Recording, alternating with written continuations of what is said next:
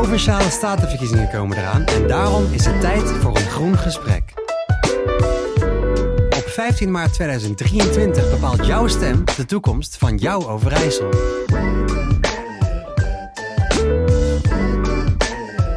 In deze vierdelige podcastserie spreek ik GroenLinksers die streven naar een toekomstbestendige, natuurlijke en levendige provincie. Een provincie met een rijke geschiedenis en een uitdagende toekomst. GroenLinks Overijssel gaat die uitdaging graag aan.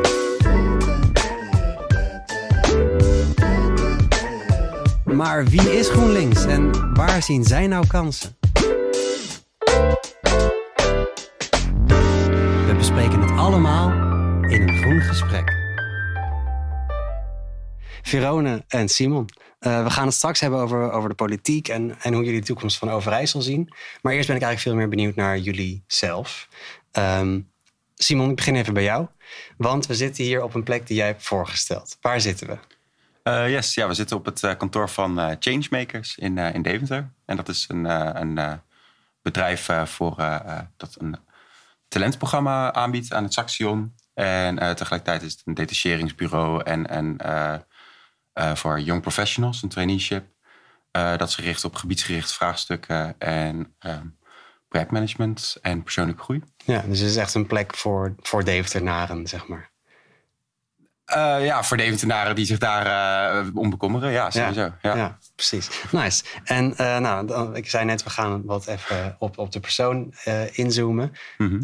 en jij studeert technische bedrijfskunde. Ja, klopt. En voor jouw studie doe je nu onderzoek naar een kringloopwarenhuis. Ja, en hoe je dat het best kan vormgeven. Of kan je daar iets, kort iets over vertellen? Uh, ja hoor, ja. Ik, uh, doe, uh, ik studeer inderdaad technische bedrijfskunde. ik heb lang voor maakindustrie, daar richten ze voornamelijk op. maar om te afstuderen wou ik toch iets meer maatschappelijks zoeken. Mm -hmm. en ik heb ook een minor circulaire economie gedaan. Dus dat interesseert me ontzettend. En toen kwam ik eigenlijk bij het goed uit. En het goed wil in Deventer al een tijdje een nieuwe vestiging uh, bouwen naast uh, de stort. Dus dat wordt echt een circulair ambachtcentrum wordt het oh, genoemd. Verschillende functies uh, die ze verweven. en daar komen ze, maar dan komt het achterhuis op een stuk minder ruimte uiteindelijk. Echt op de helft van de ruimte zelfs. dus daar komen honderden auto's per dag komen er binnen. En al die spullen moeten gesorteerd worden, oh, getest worden enzovoort. En dat moet op de helft van de ruimte.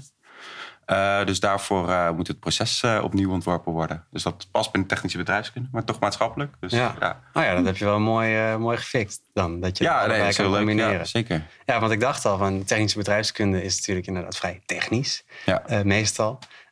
en jij bent toch wel heel maatschappelijk betrokken. Dus ik vroeg me af hoe je dat dan combineert. Maar dit is al meteen mhm. een voorbeeld daarvan dan dus. Ja. Ja, nice. En naast je studie werk je twaalf uur per week, als ik het goed heb. Tenminste, ja. voor Impactor. Ja, klopt. Uh, wat doe je precies bij Impactor?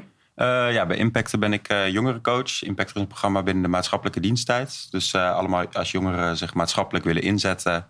dan helpt Impactor nou, bij een organisatie waar ze dat kunnen, bijvoorbeeld kunnen doen. Of als ze hele eigen projecten hebben, kunnen we ook coachen hoe je dat dan zou moeten. Of bij het zoeken naar nou, wat, wat, welke talenten kan je inzetten... voor welke doelgroep vind je dat leuk om te doen... Ja. Uh, dus dat, ja, jongeren coachen. Ja, ja precies, leuk. Ja. En uh, nou, de, jongeren coachen, dat doe je van 12 uur in de week. Daarnaast ben je in principe een fulltime studie aan het doen. Ja, klopt. Uh, dus dan kom je al op heel veel uur in de week. En daarnaast doe je ook nog vrijwilligerswerk voor bijvoorbeeld Xta Noah. Klopt, ja. Weet je goed? Ja, ja het staat allemaal online. Ja, ja nee, dat, dat, klopt. Ja, nee, klopt. Ja, elke laatste woensdag van de maand organiseer ik nu de themaavond in ieder geval bij Noah. Ehm, ja, en ik heb, ik heb hiervoor heb ik een tussenjaar gehad. Want ik wist echt even niet meer met mijn studie wat, uh, wat ik moest. En uh, kwam even van een mindere periode.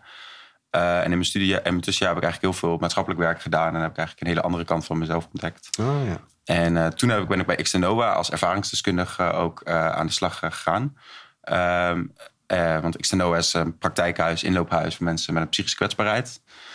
Uh, en vanuit mijn eigen ervaringen ben ik daar begonnen. En nu organiseer ik elke laatste woensdag van de maand dus een themaavond die raakt aan uh, psychische kwetsbaarheid. Uh, samen, samen met het team daar bij mm -hmm. ja. ja. Oh, mooi. En dat, dat, nou, dat ja, Kan je daar meer over vertellen? Ik ben er wel benieuwd naar eigenlijk naar wat voor een, wat voor een stichting dat dan is. Ja, snap ik. Ja, nou goed, ik, ik heb zelf een, ook een achtergrond van psychoses, verslavingen. Ik kwam zes jaar geleden op mijn negentiende in de, in de, met een psychose in de gesloten opname terecht.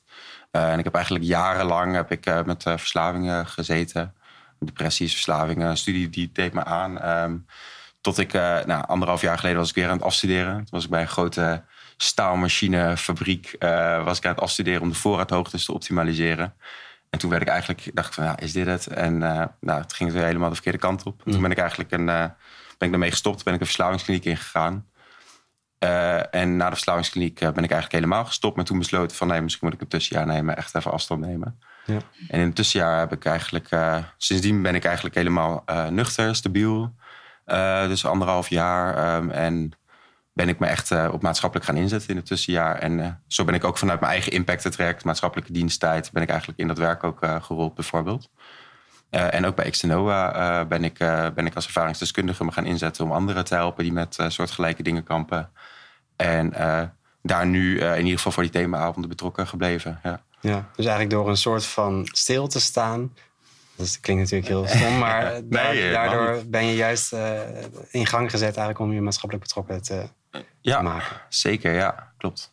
Nice. Mooi, en dat blijf je denk ik dan ook voortzetten. In dat, uh, ja, sowieso. Ja. Nice. Nou, en daarnaast ja.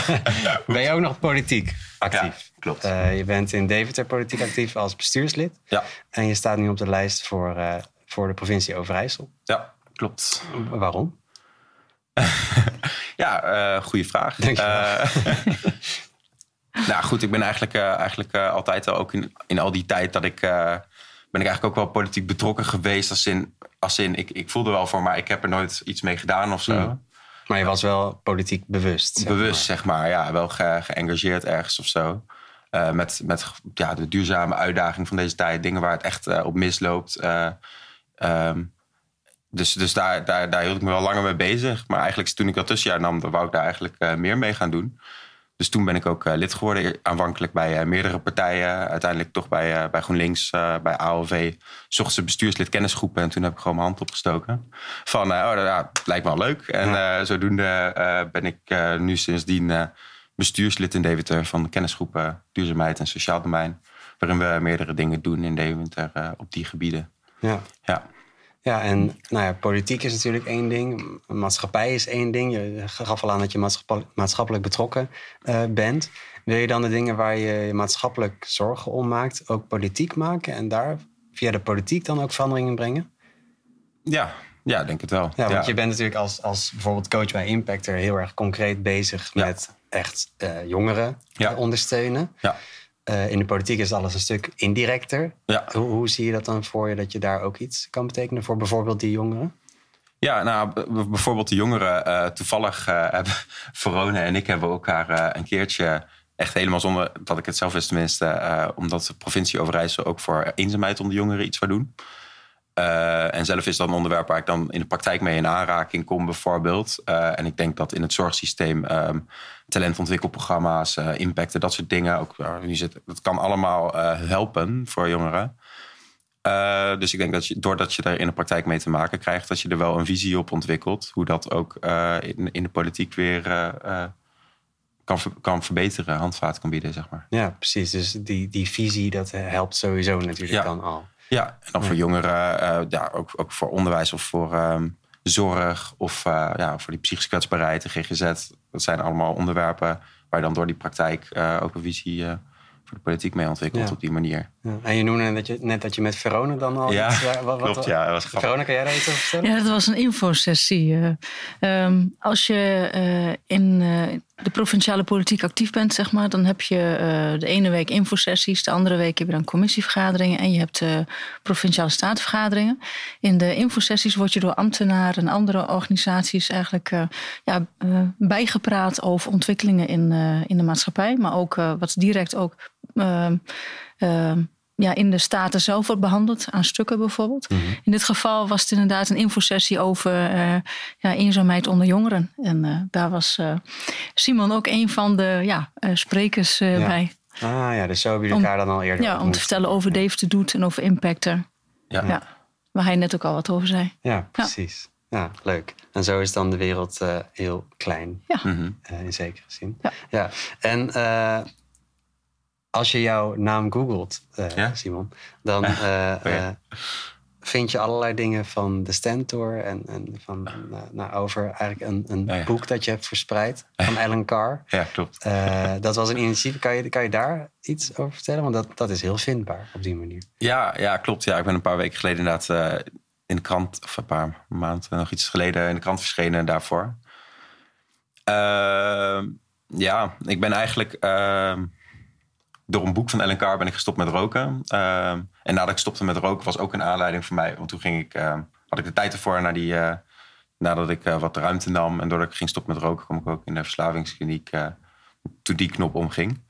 Maar goed, dat, dat stoppen met roken door dat boek was voor mij eigenlijk heel leuk, heel fijn om te kunnen stoppen met mm. roken door dat boek. Euforisch. Ja. Um, en dat, nou, dat, dat, dat, dat gaf ik toen aan vrienden. En toen kwam ik op het idee om dat boek te gaan, te gaan verspreiden. Dat dat eigenlijk gratis beschikbaar zou moeten komen voor, voor iedereen die wil stoppen met roken. Omdat stoppen met roken voor mij al euforisch was door dat boek. Ja. En het is zo waardevol voor de maatschappij als mensen, ja, als, als mensen daar niet meer af, van afhankelijk zijn. Voor hunzelf, voor de maatschappij, eigenlijk voor iedereen. Ja. Dus ik dacht, ja, dat moet gratis beschikbaar komen. En ja, dat heb ik toen, ja, voor Deventer ben ik via via bij een project Deventer ook vrij geraakt. En die omarmden dat idee. Ze waren net een project aan het opstarten. En ik kwam met het idee om het in mini-biepjes in Deventer te verspreiden. Want Ja. we hebben de meeste mini-biepjes van Europa. Daar moet Dus je iets mee doen dan. Daar moet je iets mee Ja, doen dan. ja. Dus uh, 1 en 1 is 2. En um, nou, het idee werd omarmd. En zodoende ze hebben we in eerste instantie uh, 80 boeken uh, kunnen kopen en verspreiden. Met boekenleggers erin waarop mensen QR-code kunnen scannen, ervaringsverhalen kunnen wisselen enzovoort. Maar Uh, dus niet alleen het boek lezen, maar ook echt meteen eigenlijk een soort van community daarin creëren. Ja, die, die mogelijkheid uh, is er in ieder geval. Ja. Uh, en anders gewoon de mogelijkheid in ieder geval om gewoon geheel vrijblijvend, anoniem, gratis, zonder dat iemand jou uh, bekijkt of denkt of zo, dat boek te kunnen kijken. Dus uh, dat, ja, dat, dat heeft Stenter toen opgepikt inderdaad, Ja. dus dat is uh, vindbaar. Ja. Ja, precies. Ja, en heb je het gevoel dat, want dat is, nou, ik vind het een mooi initiatief in ieder geval. Ja. Heb je het gevoel dat het ook uh, uh, de impact heeft gemaakt die je had gehoopt ermee te maken? Of mensen ermee hebt geholpen? Ja, ja. Het, het is, het, het, een, een van de leuke dingen eraan is dat je het echt achterlaat in zo'n minibub. En dan weet je niet wat Ja, precies, gebeurt. ja. Dus dat, uh, dat is wel grappig. Maar op, op sommige plekken ook wel. Want ik heb laatst dus gehoord, via ouderencentrum hebben we ook boeken neergelegd. Dat een 64-jarige vrouw is gestopt met roken dankzij dat boek. Na, Zo, wow. uh, na meer dan 30 jaar roken. Ja. ja, kijk, ik denk ja, dan heb je gewoon kanker voorkomen, weet je. Dan heb je gewoon uh, en zo, zoveel meer, weet je wel. Want je bent elke dag meer geld aan het uitgeven daaraan. Dus uh, ja, dat is voor mij al, al die... Ja, genoeg impact. Ja, als dat is je, al als je weet dat persoon, hebt persoon uh, ja, na 30 tuurlijk. jaar, dat is uh, ja, sowieso. Dus, uh, en, en verder hoop ik, zou heel mooi zijn als ik van meer mensen hoor, want dat, daar word ik wel blij van. Ja. Maar dat, die, die ene is al uh, meer dan waard. Dus, Ja, precies. ja. Ja, en uh, nou, we hebben het eigenlijk al over heel veel dingen gehad in je leven. Heel, heel, Ja. Een soort van vogelvlucht. Mhm. Uh, en ook over waarom je dan uh, vanuit de maatscha maatschappelijk bewust, politiek bewust Mhm. bent geworden. Maar wat voor kansen zie je liggen voor Overijssel? Zeg maar, stel, je, je komt straks in de, in de, in de statenfractie. ja. Wat zou een van de dingen zijn die je dan zou willen aanpakken? Ja, uh, nou, goeie. Uh, ja, voor mij, als je het over maatschappelijk uh, naar politiek bewust, uh, is de vluchtelingenproblematiek bijvoorbeeld iets waar ik me heel zorgen om maak. Dan is dat niet altijd direct bij de provincie, maar ik heb ja, meerdere onderwerpen waar ik wel echt een visie op heb. Ik denk dat vluchtelingen veel sneller aan het werk zouden moeten, uh, moeten kunnen, zeg maar. Mhm. Mm -hmm. Want dat, dat kunnen ze nu op dit moment gewoon Ja. niet. Dat mogen ze niet. Dus met Vrijwilligerscentrale ben ik ook, uh, kom ik ook elke week uh, bij de vluchtelingen, bij het asielzoekerscentrum. En dan kunnen we asielzoekers helpen aan vrijwilligerswerk, maar dat is heel beperkt, heel veel regelgeving. En eigenlijk zouden ze veel sneller weer aan het werk moeten, want je ziet ze gewoon dat, ja, ze daardoor, dat, ja, het echt ontzettend positieve effecten hebben als mensen gewoon direct kunnen werken en meer uit zelf kunnen halen. Ja. ja. Dus uh, ja, dat is een van de dingen dat ik denk van ja, er moet echt iets mee gebeuren. Ja. ja. En je hebt er nu al twee keer genoemd dat, je, dat, dat het vanuit een, een visie komt. Dat, Ja. dat je in de politiek visie moet hebben. Ja. Uh, kan ik daaruit opmaken dat je nu het gevoel hebt dat dat mist? Nou, ik heb wel het gevoel dat. Uh, ja, dat, dat, uh, dat er gewoon heel veel. Uh, ja, ik weet niet hoe je dat goed moet verwoorden, zeg maar. Ehm, Je mag het ook slecht verwoorden. ja, ja, ja, ja, ja. ja. ja. Ehm, ja, nee ik, nee, ik denk dat het nog wel een stap eh, verder kan gaan eigenlijk. Dat, je, dat er harder aan eh, getrokken moet worden of zo. Dat het, ja, dat het, dat het soms te veel verwatert of zo. Te veel en ja. Ja, ik heb wel, ja, ik heb wel het gevoel dat dat ja, soms nog sterker kan. Ja, inderdaad. Ja, ja, en je hebt dan laatst een, een debat eh, gehad. Daar hadden we het Ja. net voor, voor de opname even over. En miste je daar dan toevallig eh, bij collega's ook, ook visie? Of dacht je van, nou, het zit er wel ergens in of zo? Ehm, nee, het zit er sowieso, het, ja, het zit sowieso wel in. Maar ik weet niet, ik merk ook aan mezelf, zodra ik dat debat inga en ik hoor meerdere kanten, dan, ja, dan verwatert het toch wel of zo. Dan, dan, dan snap ik ook zelf, ja, want aan de ene kant is dit ook wel zo en aan de andere kant is dat Ja, ook wel zo. Ja, klopt. Maar aan de andere kant, ja, we moeten ook echt ergens heen of zo. Eh, en, en, en de economie, verschillende kanten van onze economie zijn echt aan vernieuwing toe. En dat, eh, dat is heel makkelijk om die visie op te stellen als je nog niet te veel met anderen in gesprek bent. Maar daarna begrijp ik ook wel dat het eh, veel moeilijker is. Dus in Ja. dat debat dan zie je dat ook wel. Ja. Dus daarom is het wel belangrijk, ook voor mezelf, om dat niet. Omdat, omdat ik denk dat, dat om dat vast te houden. Dat ik eh, heel ondernemend wil zijn en eh, eh, wat verder wil streven. Om dat niet, eh, stel dat ik politiek betrokken zou raken, om dat niet te snel te laten verwateren. Dat is wel een uitdaging, denk ik. ja, Ja. ja. Zie jij dat ook zo, Verone? Jij hebt ook debatten gedaan? Ehm, wat dit voorbeeld betreft moet ik eigenlijk aan één concreet ding eh, denken. Ik ben bezig geweest met, eh, en dat was naar aanleiding van een dag over Oekraïnse vluchtelingen. Eh, waaruit naar voren kwam dat eh, de psychische eh, hulpverlening zeg maar, aan Oekraïnse vluchtelingen, ehm, ja, daar, daar valt nog wat aan te verbeteren. Dat is er eigenlijk niet. Ze hebben zeg maar, een bepaalde basisverzekering. Als ze hulp nodig hebben, en er zijn mensen die hebben trauma's, dan worden ze doorverwezen naar de reguliere zorg. Nou, die zit vol, hè, is overbelast. Ja. Dus toen dacht ik van, hé, hey, maar dat, daar moeten we iets mee. Kunnen we als provincie ook iets mee? En vanuit vluchtelingenwerk kwam dus ook dat signaal in die, op die dag. En ehm, toen heb ik ook een eh, motie opgesteld van ehm, dat we vanuit de provincie dan de organisaties bij elkaar brengen. Eh, waaronder vluchteling, maar ook eh, vluchtelingenwerk, maar on- onder andere ook ja, andere instellingen die zich bezighouden met psychische hulpverlening. Zodat zij met elkaar, zeg maar, en de gemeenten ehm, een, een aanbod aan psychische hulpverlening zouden kunnen gaan eh, precies. creëren. Dat is iets wat wij dus concreet vanuit de Staten kunnen aanjagen. Ja, precies. Want jij zei net van je kan Ja. eh, niet Ja. altijd heel direct iets met de vluchtelingenproblematiek. Maar indirect heel veel. Ja, dit is dan wel een Ja, voorbeeld van wat je dan wel kan doen. en dan over verwatering ehm, en over actie. Nou, ik ben vrij actiegericht, dus ik ging iets te snel. Eh, waar ik meer op moet inzetten, ook komende periode, is dat je inderdaad eh, andere mensen en partijen aan je bindt daarin. Hmm. En dan gezamenlijk eigenlijk dat pad loopt. Oh, ja. Maar niet dat je voor de troepen uit gaat lopen en dan Hmm. eh, andere partijen dus het voorstelt. En dan moeten ze op dat Ja, moment dan, ja, gaan we wel of niet ermee mee. Ja. Oh, dat Dus is wel ik interessant pak, dat je ja, dat zegt. Dus ik pak hem straks even iets. Ik heb hem even laten liggen nu. Ja. Ja. Nieuwe periode pak ik hem op en dan eh, ga ik eerst even eh, beginnen bij het begin, zeg Ja. maar. En de mensen Ah. meenemen. Hmm. Om te laten zien dat het echt zin heeft om eh, hierop in te zetten. Ja, oh, Vanuit, dat, is wel, de dat is echt heel interessant dat je dat vind ik dan. Dus Want we dat moeten iets natuurlijk meer- die, die balans tussen, Ja. tussen visie, ideologie en de vuist omhoog Ja, precies. en bestuur. Ja. Dus En iets daar- meer strategie en tactiek. Ja, En, precies. Oh ja, want ja, ik kan Ja. me best voorstellen dat een interne strijd eh, kan. In ieder geval, ik merk dat als, als burgerlid eh, in Zwolle, in de gemeenteraad, ook wel dat je gewoon eigenlijk het liefst wil je gewoon dingen voor elkaar krijgen. En je wil, wil doen waar, waarom je er, waarom je überhaupt actief bent geworden. Mhm. Eh, alleen dat kan niet altijd meteen.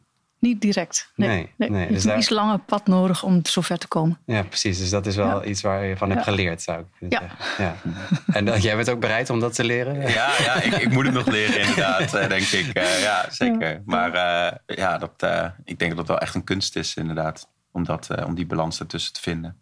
Ja. Dus eh, ja, het lijkt me wel heel mooi om, eh, om die kunst te kunnen leren. Ja. Ja, precies. Ja, maar dat is dan een heel groot verschil tussen eh, eh, direct, voor, nou, weer het voorbeeld van impacten, dan dat je daar zo direct echt jongeren kan ondersteunen. Ja, En dat je dus heel indirect via een hele lange weg in principe, ja, via het bestuurlijke orgaan, eh, ook dingen gedaan kan krijgen. Maar dan misschien iets minder vanuit je. Nog een voorbeeld, wat ik zo even van de laatste commissievergadering. We hebben als GroenLinks een uh, initiatiefvoorstel ondersteund van de SP en de SGP volgens mij. En dat ging over huisvesting uh, van arbeidsmigranten. Nou ja, je weet, die zijn vaak onder de maat. Mensen moeten heel veel geld betalen, heel veel huur. Mm -hmm. En ook wat, wat overlast voor buurt en zo, wat daardoor dan ontstaat. Um, en ja, we zijn daar met z'n allen eigenlijk voor, of tenminste de meeste partijen waren voor, om daar vanuit de provincie ook weer op in te zetten. Ja. ja. Dus zo uh, stukje bij beetje. Ja. Dus dat je dat stuk aan huisvesting voor arbeidsmigranten ook meeneemt in je eigen uh, huisvestingsbeleid. Ja. Nou ja. ja. En dat is dan waarschijnlijk ook de kracht van, van de provincie, dat je zeg maar ja. veel meer overkoepelend uh, Ja. dingen kan faciliteren in beleid. Zeg Ja. maar. Nou ja. Mooi. En heb je nog eh, verder nog ambities, Simon, over, voor, voor de politiek? Je hebt het gehad over de vluchtelingenproblematiek. Ja, Eh, ja, nou, ik denk sowieso ehm, dat bijvoorbeeld die, eh, ja, de energietransitie, daar moeten we echt gewoon onze ja, alle zijden bijzetten voor de regionale energiestrategie bijvoorbeeld.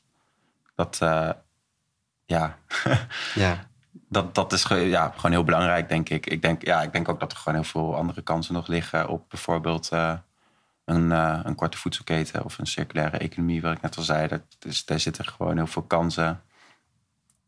Ehm, waar je, denk ik, in de, in de provincie mooi initiatief voor kan tonen. Ja. Ja. Dus dat lijkt me heel mooi. Dus dat je toch wel op een manier een beetje voorop kan lopen daarin. Ja, ik denk, ik denk door, in, daar- door initiatief te tonen, door onderwerpen te agenderen, denk ik dat je zeker wel eh, in- eh, ja, daar ook een rol in kan eh, spelen. Ja, ja, precies. Ja, en Ja. We, we hadden het net al eh, voor de opname even kort over, over leeftijd. En dat, nou, dat een stom getal en zo. Eh, maar eh, je bent wel relatief jong voor een, voor een statenlid. Eh, nou ja. Ja. Lucas is natuurlijk ook eh, de lijsttrekker. Die is ook wel relatief jong. Mhm. Eh, maar is dat ook een reden waarom je eh, politiek actief wil worden? Ehm, is dan een reden? Ja, Ja. nou ja, als in... Ik moet het nu doen omdat ik jong ben. Eh, en straks dan eh, ben, ik, eh, ben ik al te oud of zo. Ik weet niet, misschien. Ja, ik denk wel dat het goed is om, om gewoon jong, jong te beginnen met je al ja, inzet daarvoor. Of daarover na te denken. Of daarmee bezig te zijn. Het is Ja. niet dat ik, omdat ik jong ben, dat ik me inzet of zo. Nee, nee, er is meer dan dat. Ja. Maar ik denk wel dat er weinig jongeren, tenminste in mijn omgeving, die politiek eigenlijk betrokken zijn of actief zijn. Dus ik denk dat het ook wel goed is om dat een stem te geven. Ja. Ja. Dus, eh, ik- ja, Dus dat ga je doen. dus dat ga ik doen.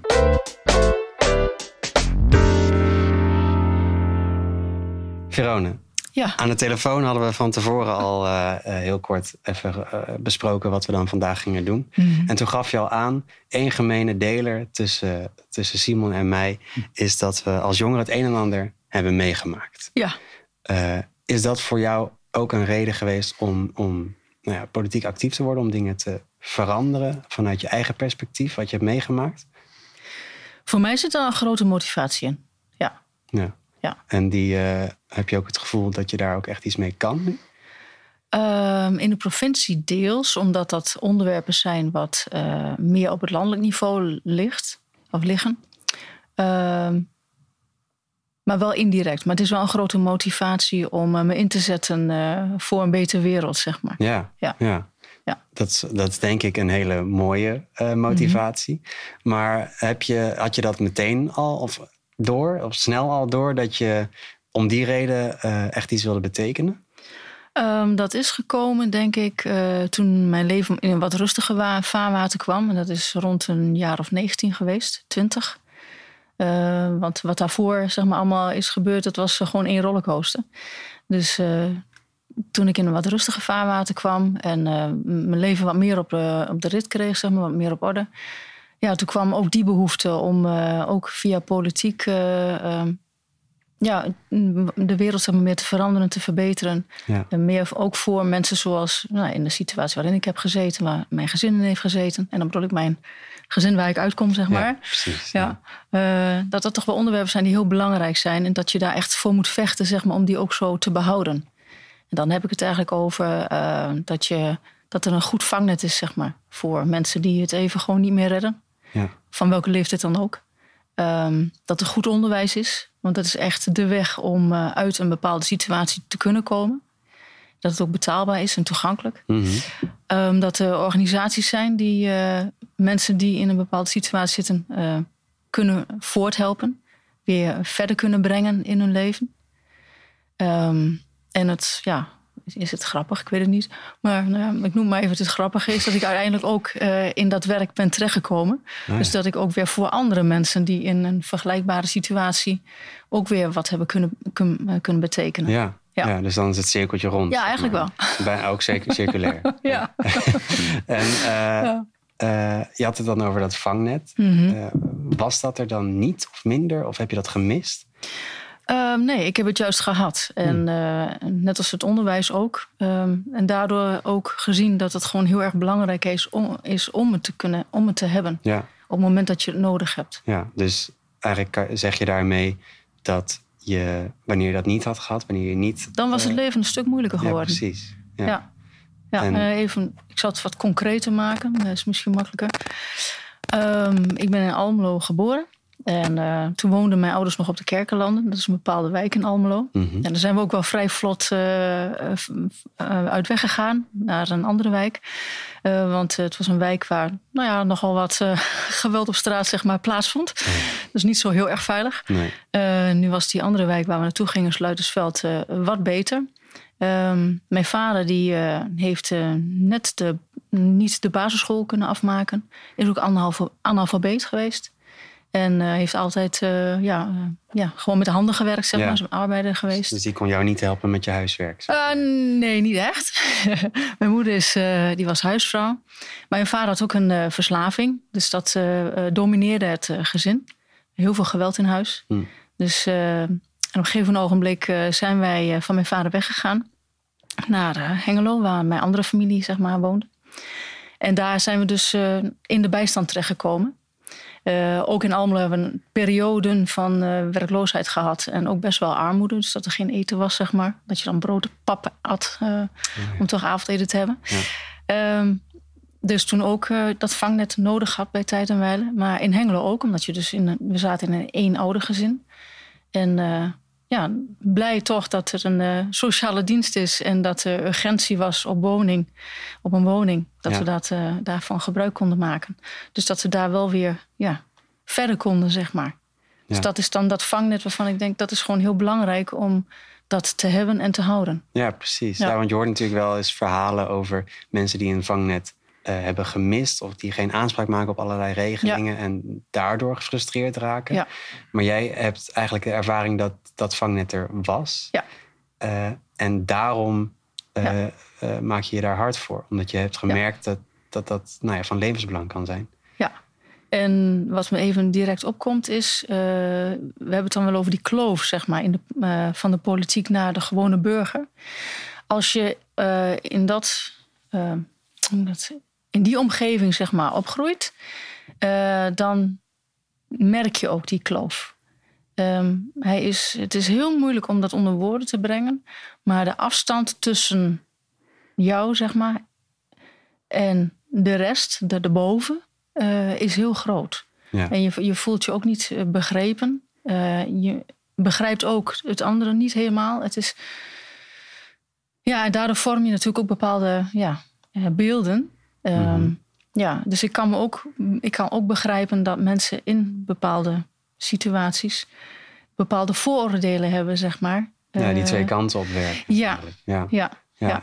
En Dus als je het hebt over dat vangnet, ja, die krijgt dat allemaal wel. En die krijgt wel een huis toegewezen, krijgt al die regelingen wel, krijgt al dat geld wel. ja, Terwijl je zelf zeg maar, ook in zo'n situatie zit en dat het allemaal voor jezelf heel moeilijk is. En dat je het ja, echt moet rondbreien, zeg maar. Ja, dus ik begrijp dan wel weer van daaruit die gevoelens en die beelden. Ja. Ja. En dat merk je nu, dan nu in je dagelijks werk dan ook. Ehm, dat, eh, was, dat, dat is een tijdje geleden. Ik ben sinds 2015 niet meer werkzaam. eh, eh, toen werkte ik voor een sociaal werkvoorzieningsbedrijf met mensen met een afstand voor tot de arbeidsmarkt. Daarvoor bij gemeente, gemeente Hengelo, bij sociale dienst, waar ik ook mensen heb begeleid. En dan vooral eh, richting werk. Ja. En, Oh ja. eh, ehm, de laatste paar jaar ben ik zelfstandig bewindvoerder, beschermingsbewindvoerder, waarbij ik mensen dus help om uit de schulden te komen. ja. Dus ja. En daar zie je eigenlijk heel direct wat je net beschreef. Ja. Ja. Ja. ja en merk je dan ook dat, dat er op een bepaalde manier een afstand is tussen jou als bewindvoerder en de mensen die je helpt? Dat is helemaal afhankelijk van hoe je als persoon bent. Want ehm, ik probeer altijd gewoon mezelf te zijn. En gewoon van mens tot mens uh, te praten en, en te handelen. Mhm. Ehm, waarbij uh, mijn functie, zeg maar, is dan het middel om de ander weer verder te helpen. Ja. Ja. Ja. En niet zozeer vanuit een rol of een functie, zeg maar. En daardoor uh, die afstand te krijgen. Nee, precies. nee. Dus het blijft gewoon heel Dus ik ben- menselijk. Ik ben vrij, ja, vrij dicht op de mens zelf, zeg maar. Ja. En Ja, is dat ook wat je als, als politicus wil? Eh, Dat menselijke? zo, daarin, zo eh, ben ik eigenlijk, ja. Ja. ja, dus daar Ja. kan niks aan doen. Ja, ik ben eh, een beetje, ehm, ja, hoe noem je dat, wars van? Het, verschillende lagen, zeg maar. Mhm. Misschien ook wel omdat ik van hier kom en nu hier zit, dat kan. Of het zit in mijn aard, dat weet ik ook niet.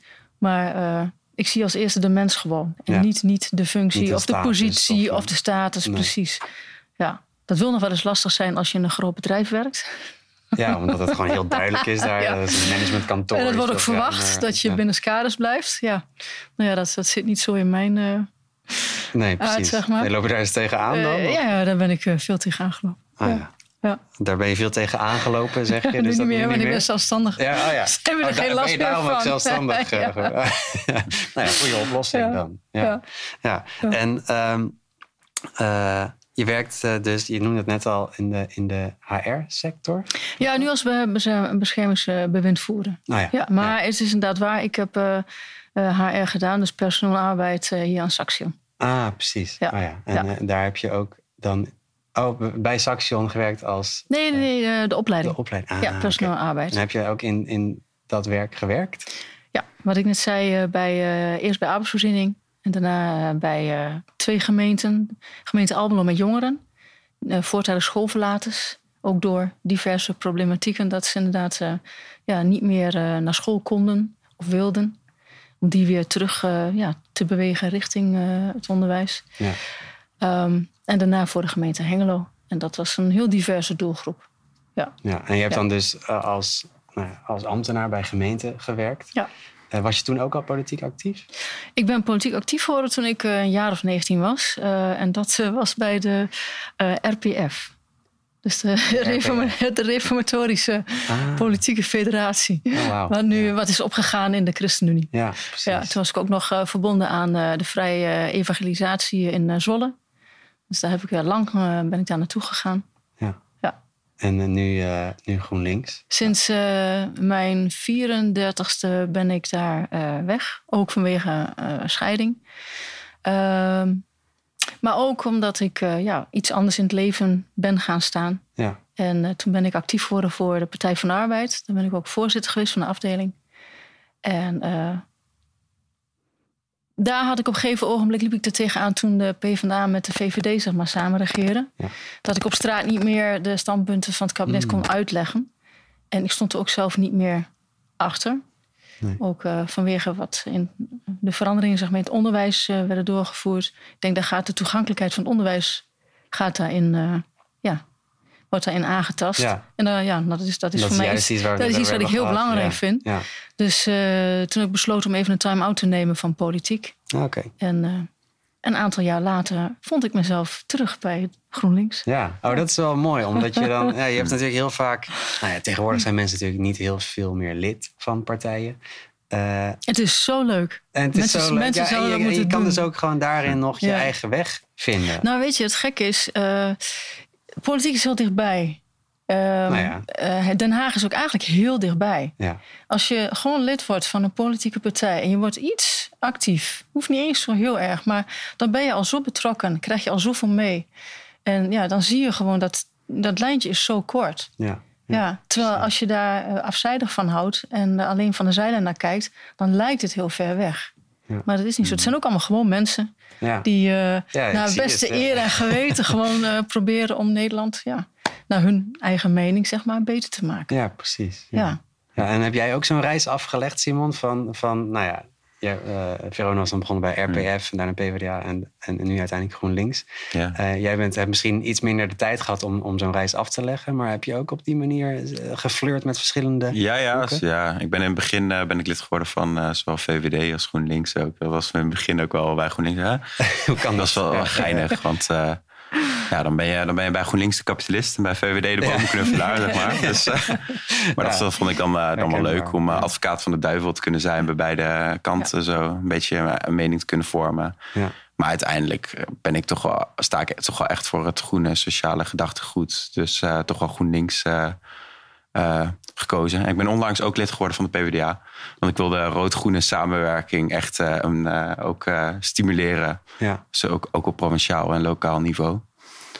Uh, maar, maar dat is dat terzijde, dat komt er daarna pas. Maar uh, nee, ik heb wel echt voor GroenLinks uh, gekozen, ja. Ja. Oh ja, nou, dat is wel mooi dat jullie hier allebei dan dus een, een eigen weg hebben afgelegd. Mm -hmm.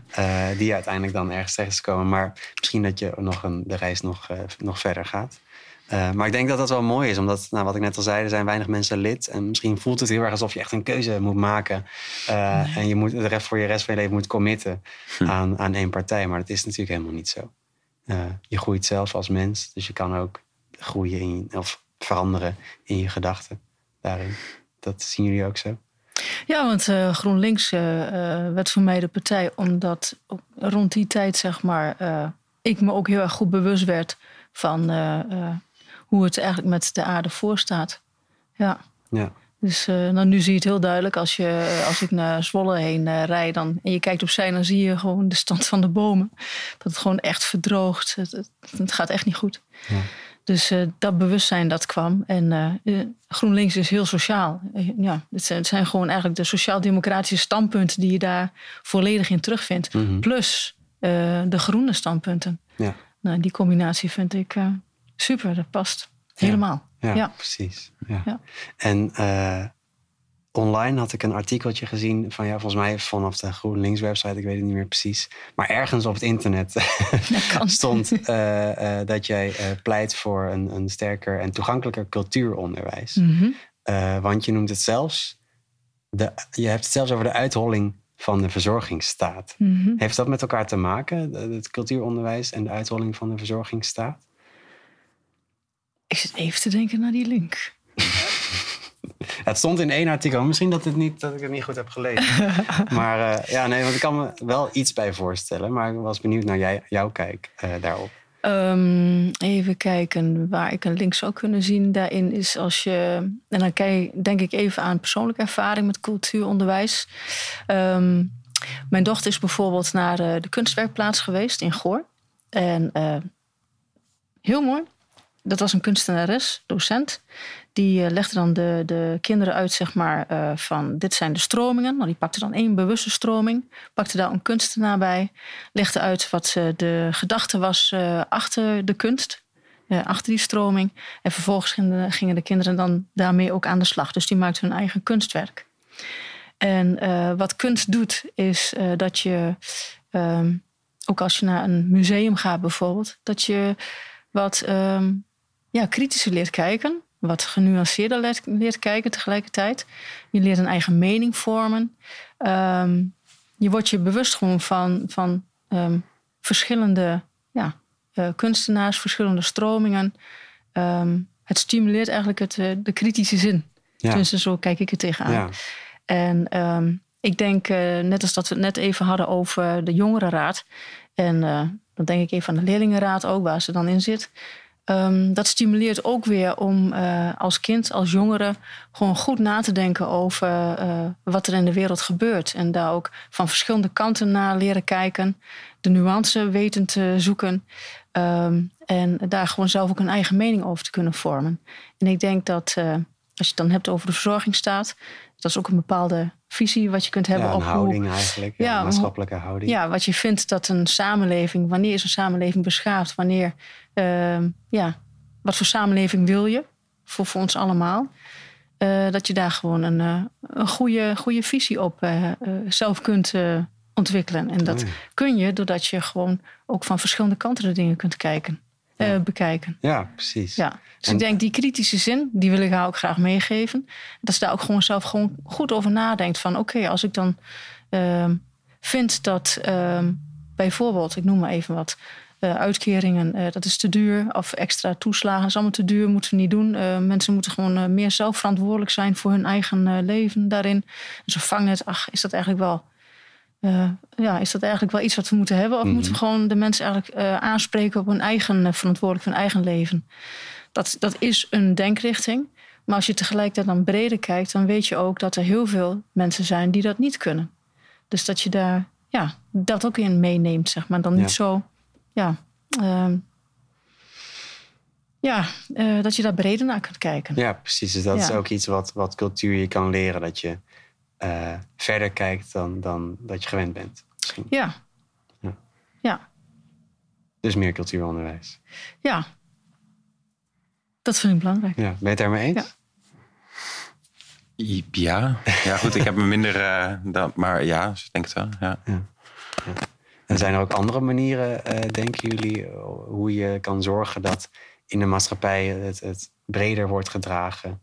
Uh, dat je, nou ja, aan elkaar denkt of naar elkaar omkijkt? bekend maakt onbemind. Ehm, even concreet een voorbeeld van mezelf. Um, ik ben opgegroeid in Almelo in een omgeving die vrij multicultureel was. Mijn vrienden waren ook zo naast Nederlanders, maar ook uh, um, kwamen uh, kinderen zeg maar, uit Aziatische landen, Oost-Europa, Zuid-Europa. Het was een mengelmoes. En toen ik verhuisde naar Hengelo, was het voor mij een cultuurshock. Ja, is een beetje gek klinkt dat in Nederland. Maar ik moest heel erg wennen aan de witte omgeving. Ah. Um, mijn taal was ook uh, spreektaal, dus ik schreef ook spreektaal. Um, ja, de, de, de, de afstand was heel groot. Ik kwam ook van, zeg maar, ja, het arbeidersmilieu kwam ik in een midden-hogere klasse terecht. Oh ja. Dus een, een witte midden-hogere klasse. Dat is een grote, grote afstand was dat. Ja, kan me voorstellen. Ja, en um, het grappige is, ik dacht dus altijd van, uh, mijn dochter groeit nu ook op in een vrij witte omgeving. Uh, die krijgt niet mee dat wat ik heb meegekregen. Dus uh, hoe gaat zij een, een, een bredere kijk daarop en, en acceptatie van als de ander iets anders is misschien ontwikkelen. Mm-hmm. Maar kennelijk kun je dat zelf al wel meegeven door misschien wel cultuuronderwijs, maar natuurlijk ook wat je van huis uit meegeeft. Ja. Want we kwamen bijvoorbeeld een keer, wij zaten in de auto naar school. Uh, we kwamen een meisje tegen op de fiets. Die had van die hele mooie, dreadlocks geloof ik? Van die hele mooie. En zij keek zo echt zo van, god, wat is dat? ik denk, nou, ik ben benieuwd waar ze naar kijkt. En ze had het over het haar. Wat heeft dat mhm. meisje een mooi haar? Hoe doet ze dat? Toen dacht ik, oké, geweldig. Dus jij ziet gewoon de mens ja. zoals ze is, zeg ja, maar. Precies. ja, dat zie je vaak bij kinderen. Hè? geweldig is dat. Ja. Ja, de rest is gewoon... Ja, het is aangeleerd, al, het, al dat gedrag. Dat denk ik wel, ja. ja. ja. Dus dat kan je ook uh, de, de goede richting insturen. Als Precies. Nou, je kunt het natuurlijk vanuit school doen. Dat je... Uh, meer van dat soort programma's hebt zeg maar, op school. Dat je kinderen uh, een bredere kijk leert hebben. Mm-hmm. nou ja, cultuur is daar een onderdeel van. Theater bijvoorbeeld, theatervoorstellingen. Ja. Kun je daar aandacht voor vragen. Ehm, ja. Op heel veel manieren kun je ja. zorgen dat mensen naar elkaar omkijken. Ja. ja. Mooi. Ja we hebben het nou over, uh, over, nou, over politiek en over, over de maatschappij gehad. Mm-hmm. En ik heb een beeld van jullie beeld van nou, de toekomst van Overijssel, wat allemaal zou kunnen gebeuren, wat er moet gebeuren. Um, en ik heb jullie allebei in redelijk korte tijd best goed leren kennen. Dus dat vind ik, vind ik leuk in ieder geval. Uh, hebben jullie ook iets van elkaar geleerd? Hebben jullie elkaar ook beter leren kennen? Hm. Ja, denk het wel, zeker. Ja, ja. Ja ik vind uh, de veerkracht. Nou, weet ik die van mezelf ook, maar die zie ik bij jou ook. En dat vind ik echt mooi om te zien. De kracht en de veerkracht van binnenuit. Uh, ja, hetzelfde. Ook, ook vandaag inderdaad. Van, ja. Uh, ja. nog wat dieper erop ingaan inderdaad, waar dat vandaan komt. Dat is mooi om te zien. Ja. Achtergrond bepaalt je niet. Jij maakt eigenlijk je eigen leven. Je bepaalt zelf hoe je leven wilt leven. Natuurlijk wel naar de mogelijkheden die je hebt. Maar je kunt ook mogelijkheden creëren. Ja. Nou, fijn, uh, fijn. Ik heb, jullie ook, uh, ik heb ook veel van jullie geleerd. Dus dat, uh, ik vind het ook fijn om dit gesprek met jullie te voeren. dus heel erg bedankt dat jullie open stonden voor een groen gesprek. Geen dank. Was leuk. Dank je wel.